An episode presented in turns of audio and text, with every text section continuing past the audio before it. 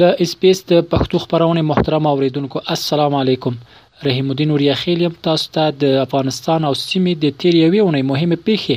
په لنډو ټکو وړاندې کوم هیله ده چې تر پایه مې ملتیا وکوئ د اونۍ د پیل خبر دا چې د ملګرو ملتونو د ماشومانو د ملاتړ صندوق یا یونیسف د تیر اونۍ د جمعې په ورځ یو راپور خپور کړ او پکې راغلي ول چې افغانستان د دوه زره او پنځه میلادي کال له پیل څخه بیا تر دې مهاله په نړۍ کې د ماشومانو تر ټولو زیاته مرګ ژوبله درلودله. په راپور کې ویل شوي چې په تېرو شپاړسو کلونو کې په دغه هېواد کې د دوی په وینا څه باندې اته ویشت زره او پنځه سوه ماشومان په وسلهوالو نښتو کې مړه او ټپیان شوي دي. د دوی د راپور په اساس دغه ارقام په ټوله نړۍ کې د ماشومانو د مرګ ژوبلې اووه ویشت سلنه تشکیلوي. دوی دغه راز ویلي چې پر افغانستان سربېره یمن، سوریه او شمالي اتوپیا هم په دغه موده کې د ماشومانو مرګ ژوبله لرله.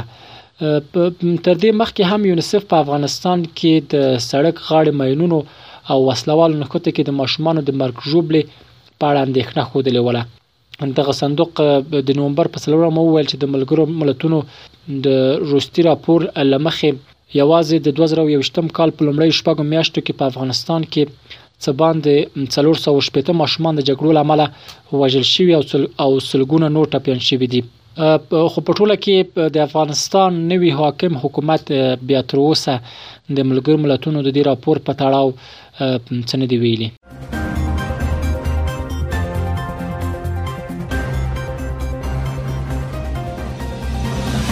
د کډوالو نړیوال سازمان آی او ایم بیا د ژمي پر رسیدو سره په افغانستان کې د کورنیو بې ځای شویو کسانو وضعیت د جدي اندېښنې وړ مسله بللې دغه سازمان په خپل یو راپور کې ویلي چې په افغانستان کې دوه زره او یوویشتم کال خلکو له کړاو ډک وخت تېر کړ. په تېره بیا هغه څه باندې شپږ نیم لکه افغانان یې یاد کړي چې یوازې همدې کال کې د جنګ، جګړو او سختو اقتصادي ستونزو له امله له خپلو اصلي مینو یا کورونو بې ځای شوي ول. د آی او ایم راپور کې همداراز راغلي چې دمګړی افغانستان پنځه نیم میلیونه کورنۍ بې ځای شوي کسان لري چې د ژمي سړه هوا، او د خوړو کموالی ژوند ګواښي. دغه ادارې دغه راز راپور ورکړی او ویلي غواړي د افغانستان په څو سیمو کې له دوه لکو بې ځایه شویو کسانو سره مرستې هم وکړي. دوی ویلي چې په دې مرستو کې به د ژمي لپاره تودې جامې، کمپلې او منقلونه شامل وي. دغه ادارې تر دې وړاندې اټکل کړی و چې افغانستان کې درویشت میلیونه کسان له لوږې سره مخ دي او که له دوی سره عاجلې مرستې ونه شي نو په دغه هیواد کې به یو انساني فاجعه رامنځته شي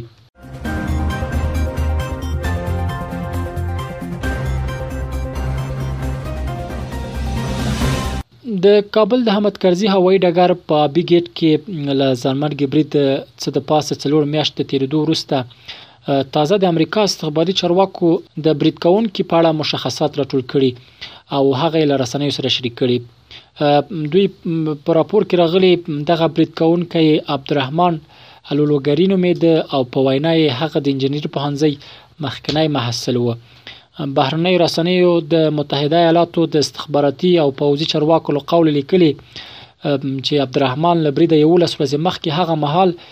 چې طالبانو د اګست په 15مه نیټه کابل ونیو د بګرام زندان له ماتېدو وروسته له ډیرو نورو بندیانو سره راخوشي شوی وو د کابل د احمد کرزي هوایي ډګر په ابي ګیټ کې ځانمرګی برید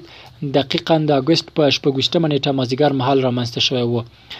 دا برید چې په افغانستان کې د داعش ډلې تر ټولو خونړی برید و په پایله کې نږدې 200 تنه ووژل شول او 150 نور ټپيان شول البته په وژل شویو کې 13 امریکایي پوځیان هم وو د امریکا استخباراتي معلومات ښیي چې عبدالرحمن د یو افغان سوداګر زوی و چې په مکرر ډول هند او پاکستان ته د سوداګرۍ لپاره تللی او راغلی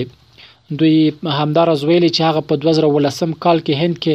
نوي ډیلي ته نږدې د ماناو رجنا پهنتون کې د انجنیری زده کړې کولې امریکایي چارواکو ویلي عبدالرحمن په څرخي پله او بګرام زندان دواړو کې وخت تیر کړی خو دا نه ده روښانه شوې چې هغه څه ډول په کابل کې د داعش له بریدګرو سره اړیکه پیدا کړه او څه ډول یې د کابل د هوایي ډګر تراپي ګیټ ورسید خو په ټوله کې بیا د طالبانو حکومت د دې برید په اړه د امریکایي چارواکو دغه معلومات په کلی ډول رد کړی دي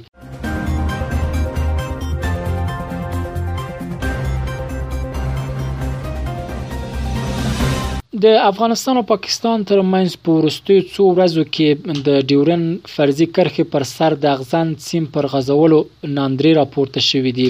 په دې ډله کې د پاکستان د بهرنیو چارو وزیر شاه محمود قریشي ویلي چې له افغانستان سره پر پوله د اغزن سیم غځولو ته ادامه ورکوي. هغه په همداراز ویلي، دوی سلګونه کیلومتره اغزن سیم پر دې پوله تېر کړی دی او د پاتې چارو د بشپړولو لپاره یې هڅې روانې دي.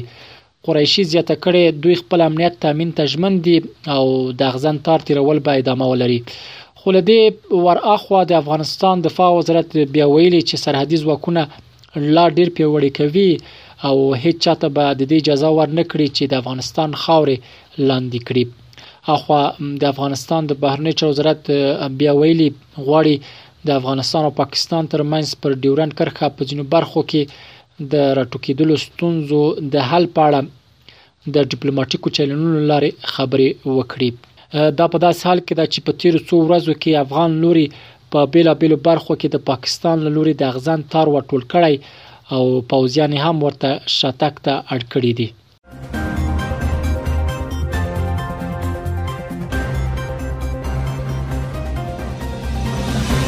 ملګرو ملتونو د سې شنبه په ورځ خبر ورکړ چې د افغانستان لپاره شاوخوا 1.5 میلیارډ ډالر بشر دوستانه مرستې راټولې کړې دي د ملګرو ملتونو ویاند سټيفان ویلي چې دوی په دې لټه کې دي چې د افغانستان لپاره تر دې لا ډېرې بشر دوستانه مرستې راټولې کړي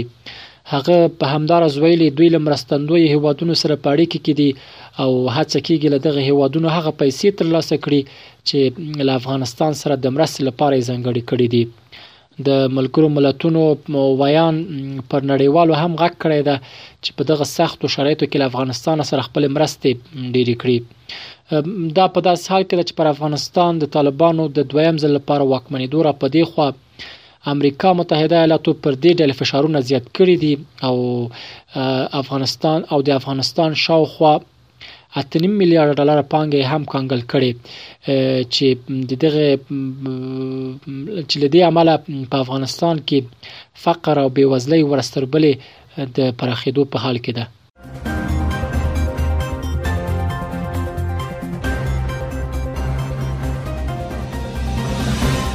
د دې اونۍ د پای خبر دا چې د طالبانو حکومت د رئیس الوزرا لومړي مرستیال البته ملا عبدالغني برادر ویلي چې د ویلي کابل ته ویلي چې کابل ته د ننوتلو پر مهال د دوی ډلې یا د دوی جنګیالیو هیڅ داسې کوم پلان نه درلود چې ګواکې پخوانی ولسمشر محمد اشرف غني دې ووژني نوموړي د سې شنبې په شپه د افغانستان له ملي ټلویزیون سره په مرکه کې دا خبره وکړه. هغه په دې تړاو وویل چې د دوی مشر ملا هیبت الله ټولو وګړو ته عمومي بښنه اعلان کړې چې په وینا یې په هغه کې د پخواني حکومت چارواکي هم شامل دي. هغه د حکومت پخواني څېرې په فساد تورنې کړې او ویې ویل چې دوی نشي کولای د فساد، قتل او لوټمارۍ خپل عادت پرېږدي. نوموړي همداراز په دې مرکه کې پر نړیوالو غږ وکړ چې له دوی سره پخوانۍ تربګنې پرېږدي، د افغانستان کنګل شوې شتمني دې ازاده او له دوی سره دې ګډ کار وکړي. د طالبانو حکومت د رئیس الوزرا لومړي مرستیال داسې مهال دغه څرګندونې کوي چې په خپله پرځول شوي ولسمشر محمد اشرف غني او ورته یو شمېر نږدې کسانو ویلي، طالبانو پلان درلود چې د پلازمېنې کابل له نیولو وروسته ښاغلی غني ووژني.